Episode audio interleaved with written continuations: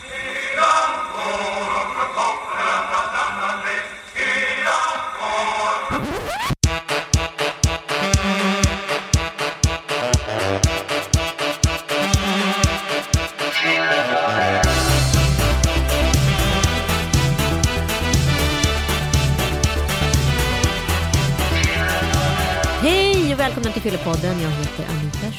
Och jag heter Sanna Lundell. Eller hur? Yes, det gör jag fortfarande. Ja, coolt. Jag med fortfarande. Idag har vi en jättehärlig gäst med oss i studion. Ja, men han är så energiknippe så det, är svårt för honom att sitta tyst och still under tiden vi säger det här. Så, men han är ena halvan av en duo. Absolut. Och sen, sen också bokaktuell. Rykande bokaktuell, typ nu. Precis Exakt. nu. Jättespännande.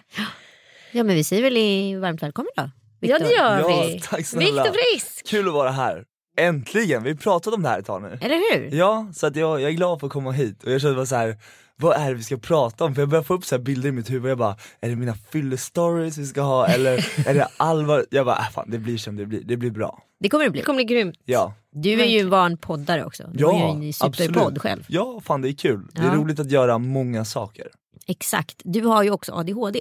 Ja, Det, no in, det ingår Har det i konceptet. Det, undgått det ingår, ja. Hur är det att dricka när man har ADHD? Ja, alltså det blir ju mer att, om man tänker så här. jag som har ADHD har en väldigt hög högsta nivå och en väldigt låg lägsta nivå. Och så här, att få liksom balansen att komma, att möta varandra på mitten kan vara ett väldigt svårt pussel ibland. Eh, men just det här med att dricka när man har ADHD, jag tror att det triggas mer. Det är som att om jag tar två öl eller någonting, då känner man så här, ja men jag tar två till. Alltså förstår ni vad jag menar? Det finns inte riktigt något stopp. Men ändå tycker jag att jag har lärt mig att tygla det mer och mer med åren. Men från början hade jag jättesvårt med det här med ADHD, att kunna balansera drickandet på rätt sätt. Vad händer då? Men eh, det, det blir för mycket, och, och jag blir ju inte arg. Jo men någon gång har det slagit över att jag har blivit så här arg, bara rycker sönder skjortan och slängt in en dator i väggen och så här, men det är en gång, det är verkligen en gång. Och jag fattar inte riktigt, jag tror det var en väldigt urladdning då i och med att vi hade en lång turné samtidigt och det blev så här, det bara, ni vet när det exploderar i hjärnan. Men annars är jag väldigt glad när jag, är, när jag dricker lite alkohol. Du hade ju eh, release igår för din bok Ja, som heter, min superkraft. ja och det handlar om ADHD. Det handlar verkligen om ADHD. Och då Det- gick ni ut och käkade middag. Ja, vi var på Mr French här i Stockholm och jag fick bjuda mina närmsta vänner och från början tänkte jag bara så bara, men ska jag ha det som att jag bara bjuder in influencers för att göra reklam för boken?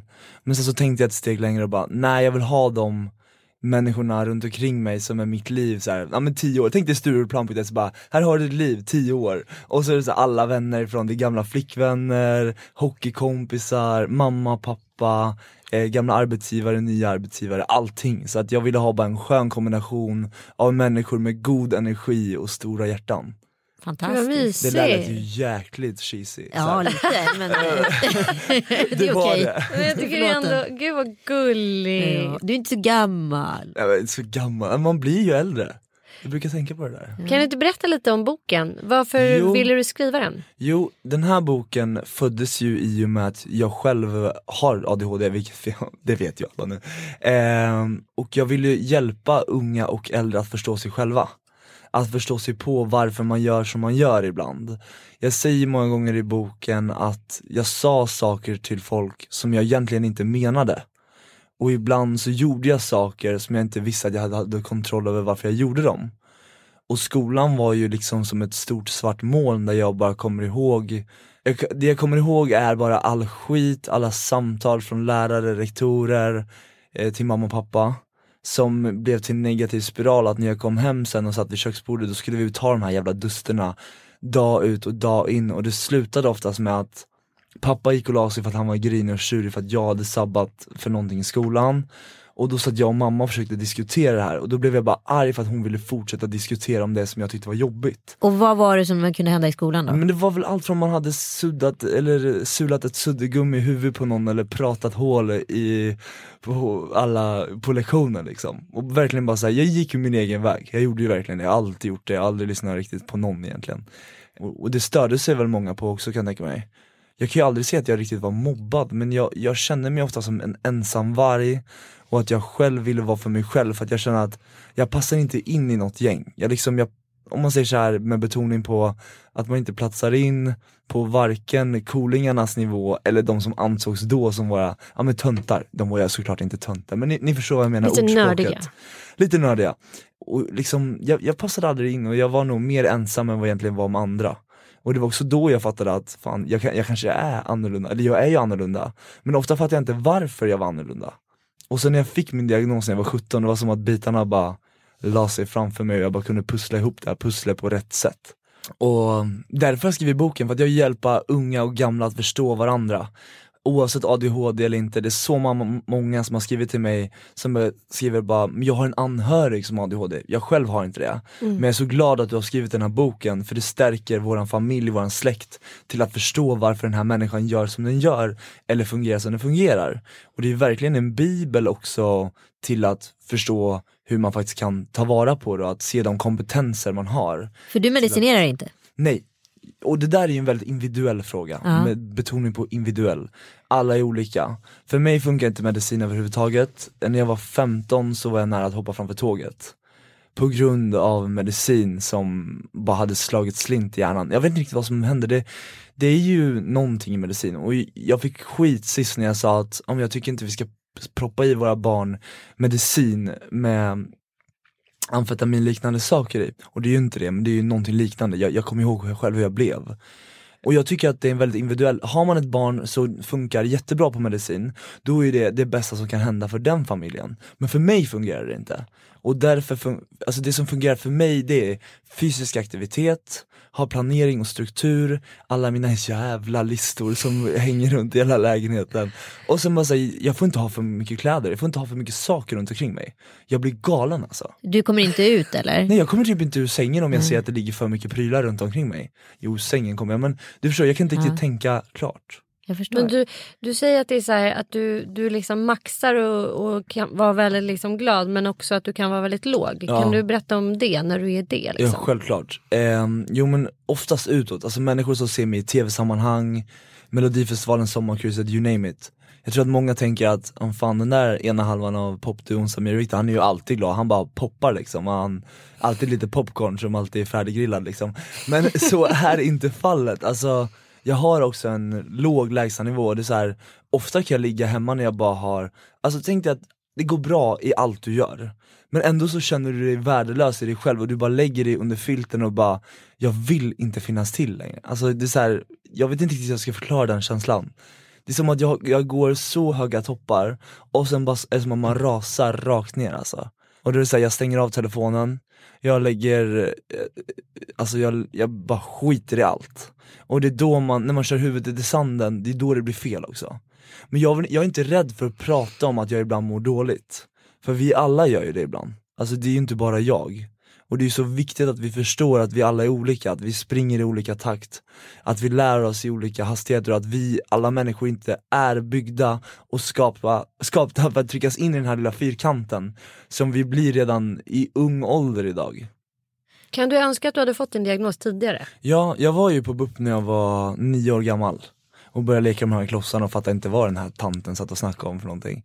Men då konstaterade de ju bara att jag hade en livlig fantasi och mycket energi.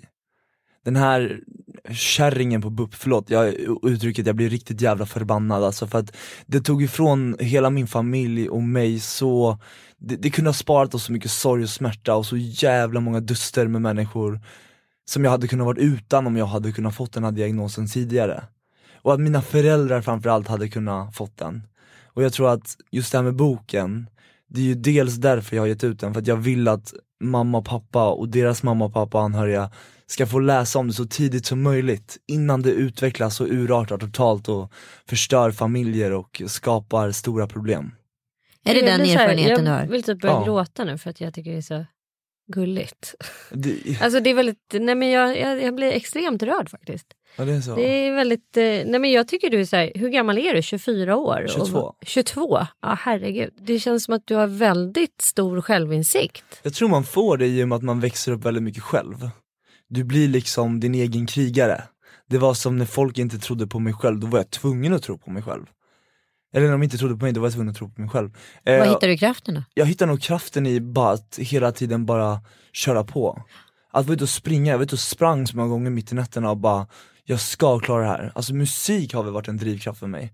Och då menar jag inte Samir och Viktor, ja, men då menar jag verkligen så här, alltså musik har varit drivkraften. Och sen också just det här att Pappa har alltid varit så här pushande och peppande och bara gör det du vill göra. Och mamma var lite mer så bekväm att man ska ta, var, gå skolan och göra alla de här. Och jag älskar min mamma äh, för allt i världen liksom, men ibland kan vi ha väldigt olika åsikter om just det här med att att liksom kanske backa ibland eller bara köra på.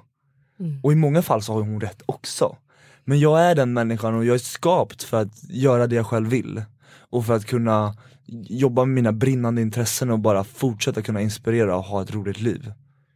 Du, balansen där. Kan du inte berätta, du, det började någonstans för dig när du började blogga? Ja. Om jag har förstått det hela ja. rätt. Var... Varför började du blogga och hur jo, gick det till? Det här handlar också mycket om ADHD för att jag var liksom i min egen värld. Och när du bygger din egen värld så bygger du en cyberbubbla. Och där var alla så snälla och fina och alltså de var trevliga liksom, det var snälla människor. Eh, Pau, Paulina Danielsson ska ha all cred i världen för att hon tog in mig i den här världen från början. För det är verkligen henne jag har att tacka för att jag faktiskt har fått göra den här långa resan, även fast det började som att vi, vi var kompisar liksom. Hon förstod mig, hon såg mig, alltså, hon såg att jag var en livlig liten kille som ville mycket. Och är man någon som har stora drömmar och stora mål, då vill du ju inte att någon ska sätta käppar i hjulet för dig. Och jag känner att många har ju gjort det, man har ju träffat på jävligt många rötägg under de här åren i mediebranschen. Men eh, under den tiden jag liksom har lärt mig mer och mer att handskas med mig själv, mina egna problem, och liksom att förstå att det som händer på telefonen eller i mailen, det är inte på riktigt. Det är din, det är din business. Ta inte allt så jävla personligt. Och det där kan jag vara jävligt dålig på ibland, att jag, jag, är, en, en jag är fisk.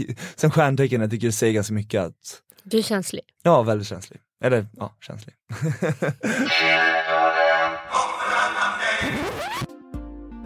Alkohol kan vara gott och öka trivseln men det ställer också till många problem. För de som dricker och för de som finns intill och för samhället.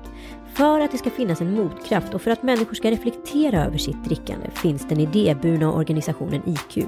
Vill du veta mer? Kolla in iq.se. Kan du berätta hur liksom, fusionen Samir och Viktor uppstod?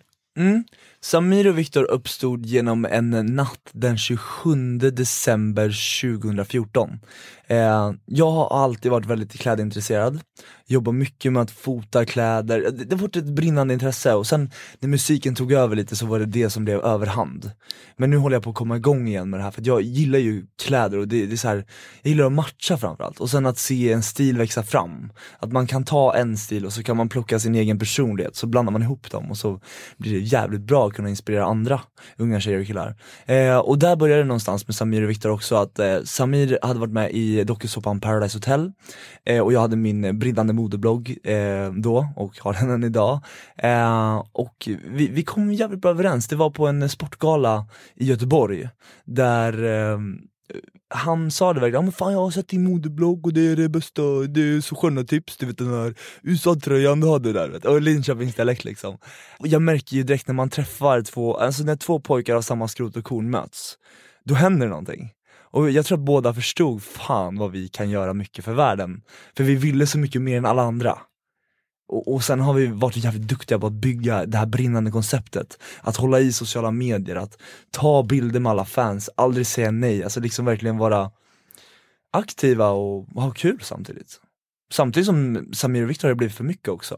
Ja, för vad hände? Förra sommaren gjorde vi 92 spelningar. Shit. Och tänk er själva Sanna och Anita, att vara tillsammans i en liten buss och bo i 92 dagar och sen köra vissa spelningar tre gånger om dagen. Man tär på krafterna, och framförallt om man heter Samir och Viktor och har de brinnande hjärnor och eh, kreativa själar som samtidigt är väldigt, väldigt stark karaktär båda två. Så att ibland, alltså vi har ju varit fly förbannat osams ibland och det tycker jag med all rätt. För jag tror att det är också det som gjort att vi håller ihop än idag. Att liksom det ska ryka och vi ska kunna ha våra egna åsikter och jag säger en sak och han säger en sak och då får vi försöka mötas på mitten och ibland gick det, ibland gick det inte men vad blir du förbannad på Samir? Nej men alltså, det, det så, jag, jag tror man så här, till slut så stör man sig på så små saker. Som att någon upp, alltså, pratar telefonen lite för högt. Och Samir har en, eh, en eh, alltså, en konstigt, han har en förmåga att ibland prata lite för högt i telefon och sitter man i samma bil, man blir oxtog. Men jag tycker också man ska veta att Samir är en av mina bästa vänner och har ett av de största hjärtan en människa kan ha faktiskt. Och han, han, han har kommit långt på den anledningen att han faktiskt han är väldigt rolig och sen har han ett stort hjärta och visar mycket kärlek. Och det är så här, jag tänker på hela den här resan vi har gjort tillsammans, Melodifestivalen två gånger, över 100 miljoner streams på Spotify. Är det sant? Oh my det är God. helt galet. Kollar man in streamsen så fattar man inte riktigt. För man undrar bara, men de där är ju bara, bara nakna på Sergels torg. Men det är lite mer än så, lite mer jobb bakom. Men vi hittar tillbaka till varandra på ett bra sätt och vi ska köra endast 20 spelningar i sommar. Ja, det kanske Endast? Ja, en, ja det blir typ två varje vecka ändå men Men du ehm, när ni är ute och spelar, är det mycket fester? Är det mycket det har varit så jäkla groupies? mycket Fan Jo då, Nu kommer det fram. Ah, kommer shit, det. Ni har så bra koll. Ehm, nej men det har varit mycket fest, extremt mycket. Jag ska skörda ner 50% av allt festande i sommar alltså. Jag vill ju må bra samtidigt som jag gör det jag gör. Jag vill hålla i längden, jag vill inte bli 25 år och känna att jag är utbränd och inte kan göra mer. Jag vill känna att jag har det på en rätt nivå och en rätt balans. Att jag får in träning, kost, fylla, bakfyllor men samtidigt en nivå på det. Ja. Det är en så här, aldrig allt eller inget. Men kan, du, kan ni ha en spelning och du är så här, japp, nej då går jag hem då här helt Många nykter. gånger, många gånger. Att ni kan Inga vara liksom efterfester helt på inga hotellrum. Nej, efterfester. många gånger har det hänt. I somras blev blev det svårare. Men det är många gånger där vi liksom har kört spelningen och sen har jag bara rusat, tagit en bild med arrangören och bara rusat direkt i duschen. För då visste jag att går jag in och duschar direkt då kommer jag inte vilja gå ut sen. Nej. Så det var liksom tipset på att jag, jag måste härifrån fort som fan innan någon kommer hit och säger till mig att vi ska stanna. För Men inte Hängde halva- Samir på dig då eller? Ja många gånger. Samir är också väldigt bra på det här med att säga nej. Och bara nej men vi går och lägger oss. Men Ja. inte halva härligheten med att vara popartist. Jo men, jo men fan Anita, det är klart att det är. Inramningen. Det är jävligt kul. Vi har haft de galnaste festerna i världshistorien. Säg någon. Ja men, ja, men någon fest det var så här ute i en villa, hus efteråt. Efter en spelning, det här är typ två år sedan tror jag. Och bara alla, alla som var där, jag gjorde ingenting själv men alla bara rev hela huset. Det var så här, sprutade ut hela skummet ifrån den här brandsläckaren och bara så här det, det var bara katastrof och jag bara såhär, det här är fucking Prodigy X mannen. Eh, och Samir bara, ser du Viktor, i Linköping kan vi festa! Jag bara, ja jag ser det. och jag har alltid varit lite rädd för det här med de här extrema grejerna. Men, Var det här alltså i några föräldrars hus? Jag vet inte vad det var, jag kommer inte ihåg. Fick ni några det är kanske är konsekvenser av det som sitter och här? lyssnar på det här. Jag fick inga konsekvenser för jag var inte med och var Trashade? trashade själv men jag tror att de som gjorde det fick ta smällarna. En dörr, en bakdörr låg i vattnet och det var, det, var helt crazy. Och, och sen är det många fester, eller många gånger när vi liksom har varit på turné och sen bara är man så jävla taggad och peppad efteråt och så bara drar man ut och har världens roligaste kväll. Förstår du? Du blir ju upprymd, du blir ju så här, människor kommer ju fram till dig, alla är ju trevliga, härliga och ärliga och bara Alltså, du får mycket kärlek. Och desto mer kärlek du får, du kan ju inte vara dum liksom. du kan, och du, då, då blir det också så här bara, men fan jag kan inte gå hem eh, utan att visa Karlstad vad fan jag går för liksom. för tro mig, jag är en jävel på att festa, så du ska få se någon gång Anita. Ja, Jag har ju varit ute med dig. jag vet, Ja. i LA. Ja. Men du gick ju hem Ja, sen. men jag, jag hade precis separerat, jag hade inte sagt det till någon Nej, så jag var ju inte Nej, helt... men jag förstår dig. Hon var inte stabil Jag var va? inte Men det var kul, Det var på det kul. här garden Ja, party eller exakt, nu ska vi Ja. inte prata mer om det. Nej, Men eh, över till dig Viktor. Över till dig. Tillbaka. Groupies. ja. Hur är det att vara ett så här, vad sa du, 100 miljoner eh, Streams. ned, streams? över. Jättemycket mycket tjejer, unga tjejer som måste vara helt så här galna i er och killar förstås. Men eh, händer det att ni ligger med groupies? För att vara helt Fan ni ställer ärlig mig och på min klass här. spets nu, nu vet jag att typ Aftonbladet Expressen kommer skriva där Ja men det har hänt, det har ju hänt, det har gjort eh, Fan jag har lite svårt för att snacka om det här med kärlek och sex, jag vet inte varför, jag blir typ Vi har massa alltid- Jag sexfrågor blir till så dig. jävla generad, jag fattar inte grejen med varför Det är inte För så det är nämligen konstigt. så- Två äldre kvinnor som sitter och pumpar dig Nej, på exakt, jag, jag, sexfrågor jag här. blir generad, fan hur ska vi ta det här? Nej, men enligt en undersökning som IQ har gjort uppger 86% av alla kvinnor och 71% av alla män att någon har stött eller raggat på dem för att de var brusade. Och- Att, det inte, att det inte är så egentligen? Eller att man uppfyller, uppfattar det så? Nej men att man raggar mer. Ja. när man är full. Ja, liksom. no shit alltså. Och, och vi, alltså ska vi kolla? Och Ah, över hälften säger att de känner någon eller har själva varit med om att de har varit, haft sex eh, alkoholpåverkade och sen har ångrat sexet efteråt. Har det hänt dig? Ja det har väl hänt. Eh, Man blir jättegenerad nu. Eh, nej men det är lugnt, det är lugnt. Ja men det, det, har, det har hänt. Fan jag är ju människa jag också. Det, det har hänt, det har absolut hänt. Och det har väl hänt många gånger man bara, fan varför gjorde jag så här nu då? Och sen när man ligger bredvid någon och bara, det här känns ju inte alls bra.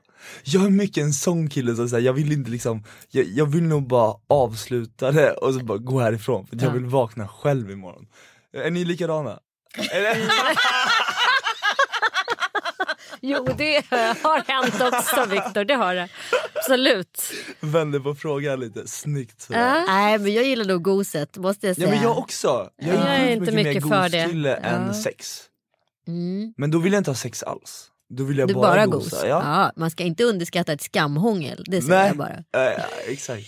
Fan man vill ju vara med i Skam. Alltså varje gång man ser serien man bara fan, varför kan jag inte bara vara lite yngre och bo i Norge och bli norsk? Jag tycker då ändå man kan casta dig som att du är 18. Du ser väldigt ung ut. Ja ah, okej, tack. Du Än så kan gå både som fått så mycket 18 och rynkor. 25. Ja, det är så alltså? Ja. Beror det lite Det på lite hur jag bred. klär mig då eller? Nej jag tänker mer att du säger Nej det, det, det är ansiktet. Men jag undrar, jag. det där har jag alltid tänkt på så mycket bara, undrar hur människor utifrån uppfattar mig om de bara ser mig. Och, och då menar jag ingen som har sett mig på tv eller något så här, utan bara så här, bara ser mig. Så här, ser man en eh, liten 14-åring utan fjunig face eller Nej men du har ju hår på bröstet. Ja det ser exakt, jag ju. ja. Det är kommer man det inte är. under, då kan man ju inte vara under. Nej det är klart, inte under 16 i alla fall. Jag är ju byxmyndig. Men du, vad har du för erfarenhet av alkohol och sex? Påverkar alkoholen sex till det bättre eller sämre? till det bättre ibland och till det sämre ibland. Kan du Nej, det, Var lite mer specifik. Fan, det här, det är så här, jag tror ju typ att mina föräldrar ska lyssna på det här, det vill jag absolut inte att de ska göra, ingen att de känner heller hoppas jag. Eh, men ja, till det bättre absolut. Du blir, är du berusad så känner du ju en skönare beröring till någon. Är det inte så? Jag vet inte, Det, fråga inte mig. båda två vet. Äh, men, eh, ja men ja, det skulle jag säga. Mm. Fyllepodden blev sexpodden, jag fattar blev, inte nej vad hände? vi pratade om alkohol och sex. Ja vad fan. Det handlar faktiskt mycket om det för att IQ har gjort den här undersökningen. Jag. Och att unga just här, vad, vad händer liksom när man har eh, druckit alkohol och har sex och just många som ångrar sig och så här. Jag tycker jag hör om det ganska ofta. Så Ja. Jag vet inte om det både tjejer och killar som är så här shit vad fan hände igår. Jag, gjorde fattar. något jag inte ville göra. Eller Eh, eller att man kanske vågade någonting som man annars inte skulle våga. Alltså på gott och ont Jag som du förstår inne vad du menar och jag tror det är så jävla viktigt att man lär sig säga nej i tidig ålder. Det är så här, som att vissa skickar nakenbilder så här, bara för att få bekräftelse. Det är så här, bara Fuck it, vi lever 2017, var dig själv, stå på dig. Både tjejer och killar. Stå på er för fan. Ingen ska komma här och sänka er eller trycka ner er för oavsett kön, sex, läggning, alltså alkohol, vad som helst. Man ska vara den man är. Har du råkat illa ut någon gång på grund av eh, i, alltså sex i samband med alkohol? Kanske inte så men Ja men du vet man kan Så skicka... jävla många har jag inte legat med heller så det är så här, jag kan ju gå igenom mitt lilla bibliotek, nej jag ska, ska jag bara kolla i mobilen, jag skriver ner alla, nej jag ska Nej men man kan ju skicka så här sms Ja men jag är lätt, alltså, ah fy fan alltså telefonen på fyllan, bara släng den åt helvete. Jag fattar ju inte att det borde finnas alkohollås på iPhones och äh, Samsung och Androids och fan, hans moster. Eh, varför? Varför skriver man till den där personen som man absolut inte ska skriva till när man har tagit några för glas mycket och man är på väg hem vid halv fyra? Vad kan det stå i Va- dem Ja då? men det kan inte vara, tja vad gör du? Ska vi ses? Och man bara såhär, vaknar dagen efter och bara, så. Och så har ringt halva sin telefon, kontaktlista va. Och det är så det är inte, det är inte mina vänner jag ringer, bara såhär Camilla Läckberg, alltså, jag, vill inte, jag vill inte ligga med Camilla Läckberg men då vill jag säga vad fan, jag har fått en stora syster på gamla dagar liksom. Men så här, fan ibland är men jag ringer väldigt märkliga människor ibland när jag är full. Har du inte ringt mig än? Nej inte än men det Jag kommer, tycker det inte att det känns Tro som att det, det som att det råkar så himla illa ut. Då har du väldigt men- hög moral i alla fall. Ja men jag berättar kanske inte allt heller. Nej. Nej. Ringa till Camilla Läckberg på nattakvisten. Ja men det är väl okej, hoppas Ja, det inte Simon lyssnar på det här. Nej jag skojar. Men du är du bra på ragga? Ja, det, det är jag faktiskt. Har du haft någon lång relation? Nej, ja, jo fan. Jag har haft en relation i två och ett halvt år med en tjej som heter Linda. jag ska inte nämna hennes efternamn. Eh, och det var en fin relation. Jag är nog väldigt romantisk av mig, det skulle jag säga. Jag är väldigt såhär när alla hjärtans dag eller en sån här speciella dag, jag, jag skämmer bort de människorna jag tycker om väldigt mycket. Jag skulle lätt kunna, alltså skulle jag bli förälskad nu skulle jag bara fan vi drar till Bali, jag betalar. Men det är mycket så, och, och jag har alltid varit sådär, ända sedan jag var liten, jag, fick, jag kan berätta ett exempel. När jag fick min första blogglön, så hade jag inte min första tjej, men jag hade min, eh, eller inte min första tjej, eller det var någon däremellan. Eh, Fast det här kan jag inte nämna. Alicia Agnesson, hon som är snart eh, i The Vikings. Ja, ja. Ehm, och eh, vi, jag hade fått min första blogglön, jag var hur glad som helst och vi stötte lite på varandra då. Och, och då sa jag till henne, jag bara men fan du, jag, vet, jag, bara, jag har fått min första lön, så stor hon jag bara kan, jag få, kan vi ses på stan? Så hade jag köpt så här rosor och choklad och bjöd henne på middag så jag bara brände allt jag hade liksom tjänat in så att generös, det är nog frisk, herr, herr Andersson Frisks förnamn i alla fall. Försöker. Gullig. Ibland kanske man inte är jättebra på det heller, ja, inte alltid men ofta. Mot de jag gillar är jag generös. Du, vi har några obligatoriska frågor som Kör. vi alltid ställer här i Fyllepodden. Eh, kan du berätta om din första fylla? Ja, det ska jag göra. Eh, vi var i Kungsör, jag har spelat hockey i tio år, det vet inte jättemånga om, kanske inte lyssnar på den här podden i alla fall. Eh, och då hade vi, för vi drack inte så mycket alkohol, jag var väldigt sen med alkoholen. På grund av att jag ville bli bäst på hockey liksom. Men så en kväll så matchade vi ihop hela gänget, jag tror det var en nyårsafton eller någonting. Och jag blev bara så här, jag blev full! Och jag blev jättefull, jag blev- fattade inte hur full jag blev. Och så, så vaknade jag upp där bara utan strumpor, byxorna var, och kalsongerna satt på som tur var. Jag undrar vad som hade hänt där egentligen. Eh, men så, så, så fick mamma och pappa komma och hämta mig, mamma fick komma och hämta mig. Åh vad jobbigt. Ja det var så jävla jobbigt. Och mamma bara, nej, nej. Mamma är så lite fin i kanten ibland, man bara nej. Och pappa bara, när han har ungkarln fått sin första fylla här. Typ skulle ut och berätta för hela byn att man hade blivit man typ. Jag bara nej, kanske inte så pappa. Hur gammal var du? Jag var väl kanske 17. Va, så ja, pass? ja, Sen? jag var sen, jag var jävligt sen med alkoholen. Eh, när var du full senast? Mm. eh, ja, eh, jo jag var full på Smögen senast och det var i lördags. Men det var ju påsk, det får man ju. Ja, det, Ja, vi dömer ingen här. Men exakt, Jag såg på din blogg, det såg väldigt mysigt Ja. ut. Ja det var så jävla nice. Det var sådär Pripps blå-reklam. Ja men verkligen, så jag väntar ju bara på att Pripps blå alkoholfri ska höra av sig eftersom att jag har barn som följer. Nej, jag ska. Nej men ehm, Ja men det är mysigt, jag har hittat världens bästa sköna härligaste västkusten-gäng liksom. Och de är ju born and raised där ute liksom. Eh, Oskar som sitter där ute kommer också ifrån Lidköping och har familj på Smögen. Så att Fan för mig är det viktigt att liksom kunna landa i medielandskapet vi har idag. Och böcker och föreläsningar och allt, tjo hans moster vad man håller på med. Min frizon på jorden har blivit, eller på jorden, i Sverige har blivit Smögen. För att jag känner att jag kan koppla av. Gud, Slappna härligt. av och släppa ner axlarna lite Smögen är underbart. Ja det är så jävla vackert Ditt eh, värsta fylleminne? Ja, det var på Gotland för två år sedan, på Kallis eh, vi, vi har varit och festat på Kallis, skitkul verkligen så här. Jo Söva, det var mitt under Samir och min eh, värsta turnéperiod den, det året Och sen så skulle vi bara, så kom vi hem från Göteborg, ehm, det heter inte Sommarkryss, det heter Lotta på Liseberg Så åkte vi ner på dagen, körde Lotta på Liseberg, eh, körde en spelning sen på kvällen i Göteborg, sen blåste vi hem, sen skulle flyget till Gotland gå nio på morgonen och vi kom hem fyra på morgonen.